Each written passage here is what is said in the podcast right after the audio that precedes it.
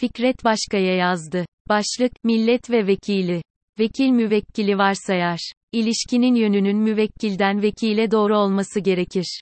Başka türlü söylersek, seçilenlerin halk iradesine dayanması ve onu temsil etmesi gerekir. Oysa halk siyasi sürece 5 yılda bir kere müdahale ediyor. 1825 günde bir. Aslında o bir günde yaptığı da parti başkanı tarafından tayin edileni onaylamak. Velhasıl ortada adına layık bir seçim ve temsil yok, hiçbir zamanda olmadı. Kitleleri aldatmaya oyalamaya yarayan bir sirk oyunundan ibaret. Seçilenler seçenleri temsil etmiyor. Mülk sahibi sınıflara, profesyonel politikacılara ve çevresine hizmet ediyor. Kaldı ki, siyaset bir meslek ve profesyonellerin işi olmaya devam ettikçe, gerçek bir temsilden ve demokrasiden söz etmek mümkün değildir. Temsili demokrasi denilenin hiçbir zaman gerçek bir varlığı olmadı. Egemen sınıfların kitleleri aldatmak, oyalamak amacıyla yaptıkları bir manipülasyon olmanın ötesinde bir varlığı ve kıymeti harbiyesi yoktu. Burjuva partileri toplumu kutuplaştırıyor, hasım kamplara bölüyor. Partiler tek kişinin örgütleri. Her şeye başkan karar veriyor. 20 ila 30 yıl başkanlık yapanları var. Osmanlı İmparatorluğunda padişahların tahtta kalma aritmetik ortalaması 17 yıl 3 aydı. Demokrasinin, tartışmanın zerresi yok. Kendileri demokrasiyi içselleştiremeyen örgütler demokrasinin araçları olabilirler mi? Milletvekili varlığını parti başkanına borçludur ve borcunu ödemek için her isteneni yapar. İradesi parti başkanı tarafından rehin alınmış durumdadır. AKP Ordu Milletvekili Şener Yediyıldız'ın, biz Tayyip ağabeye ihaneti bırak, sırtımızda taşımamız lazım, yani ayakkabısını elimizle yalamamız lazım, sözleri şaşkınlık yarattı ama aslında mevcut parti başkanı milletvekili ilişkisinin abartılı bir ifadesi sadece. Geride kalan 5 yılda AKP grubu muhalefetten gelen hiçbir teklife olumlu oy vermedi. Başkan öyle istiyor diye. Ne gündeme getirilirse getirilsin, AKP MHP oylarıyla reddedildi. Bu, AKP grubunun iradesi partinin başkanı tarafından rehin alınmış demektir. AKP'li vekiller Tayyip Erdoğan'ın vekili ve sadece ona karşı, sorumlu. Bal tutup parmaklarını yalıyorlar. Bunlar milletin vekili mi? Aslında profesyonel politikacılar bir alt sınıf oluşturuyorlar. Milletvekili olmak sınıf değiştirmenin bir aracı. Bir kere seçilen bile ömür boyu gelire kavuşuyor.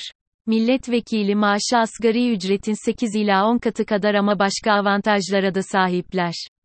Reel gelirleri aldıkları aylıktan ibaret değil. Esasen Türkiye'de siyaset, bütçeyi, hazineyi, müşterekleri yağmalamak, yağmalatmak için yapılıyor. Gerçek durum öyle olsa da söylem farklıdır.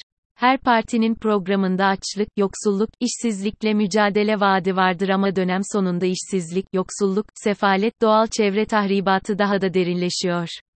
Esasen kapitalizm dahilinde işsizlikle, yoksullukla mücadele edilemez zira sistem doğası gereği işsizliği ve yoksulluğu azdırmadan var olamaz, yol alamaz.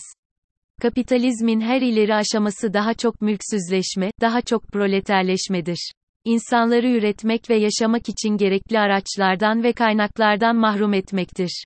Sömürü, yağma ve talanı, hakları ve özgürlükleri budamadan mümkün değildir. Ve gereği yapılıyor. Nokta. Milletvekili yemininde, hukukun üstünlüğüne demokratik ve layık cumhuriyete bağlı kalacağıma namusum ve şerefim üzerine ent içerim, deniyor. Bunların bir kırıntısı var mı? Hukuktan ve laiklikten eser kaldı mı? Verili durumda kitleler, burjuva siyasetinin nesneleri durumundalar. Dolayısıyla, demokrasi söyleminin bir varlığı ve karşılığı yok. O halde demokrasi nedir veya ne olması gerekir? Bir kere demokrasi, politikanın ne olması ve nasıl yapılması gerektiği sorusundan bağımsız değildir.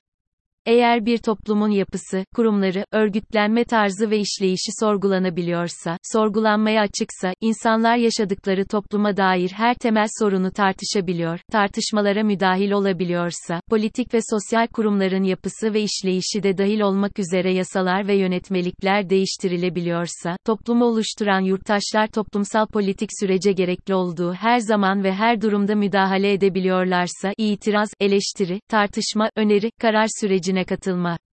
Başka türlü söylersek, toplum kendisi hakkında düşünebilir ve gereğini yapabilir durumdaysa, orada politikanın ve politika yapmanın bir anlamı değeri, velhasıl bir kıymeti harbiyesi var demektir. Demokrasiden söz etmenin ikinci koşulu da politika yapmanın herkesin iş işeği olmasını varsayar.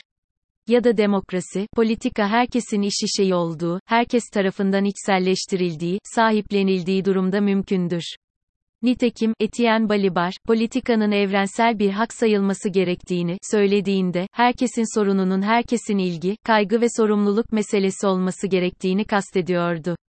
Buna politikanın sosyalleşmesi de diyebilirsiniz.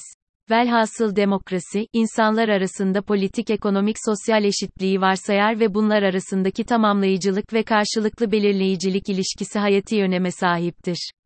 İşte bu yüzden demokrasi ve kapitalizm yan yana getirilmesi uygun olmayan iki kavramdır. Zira, kapitalizm böler, kutuplaştırır ve dışlar. Burjuva toplumunda ekonomik alanla politika alanı birbirinden ayrılmış, ekonomik alanın yönetimi mülk sahibi sınıfların tekeline bırakılmış durumdadır. Böylesi bir ayrımın geçerli olduğu bir toplumda politik alanda oynanan demokrasi oyunu, seçimler ve benzeri bir sirk oyun olmanın ötesine geçemez ve geçemiyor. Oysa demokrasi her türlü ayrımcılığı ve hiyerarşiyi reddeder. İşte bu yüzden bir insan eşittir bir oy ilkesi insanlığın büyük bir kazanımıdır. Politik İslamcı AKP iktidar olup yerini sağlamlaştırdıkça asgari hukukun ve sınırlı hakların ve demokrasinin de defterini dürdü. Tüm kurumları çökertti. Şimdilerde Türkiye'deki rejim adı konmamış bir monarşi, tek adam rejimi. Kural yok, yasa yok, hukuk yok, ahlak yok, ifade özgürlüğü yok, dahası can güvenliği de yok. İnsana ve doğaya düşman bu rejimden kurtulmak aciliyet kesbetmiş bulunuyor. Vakitlice bu kör gidişi durdurmak gerekiyor. Aksi halde işlerin daha da sarpa sarması kaçınılmazdır. Bu yeni durumda yeni bir yaklaşım gerekiyor.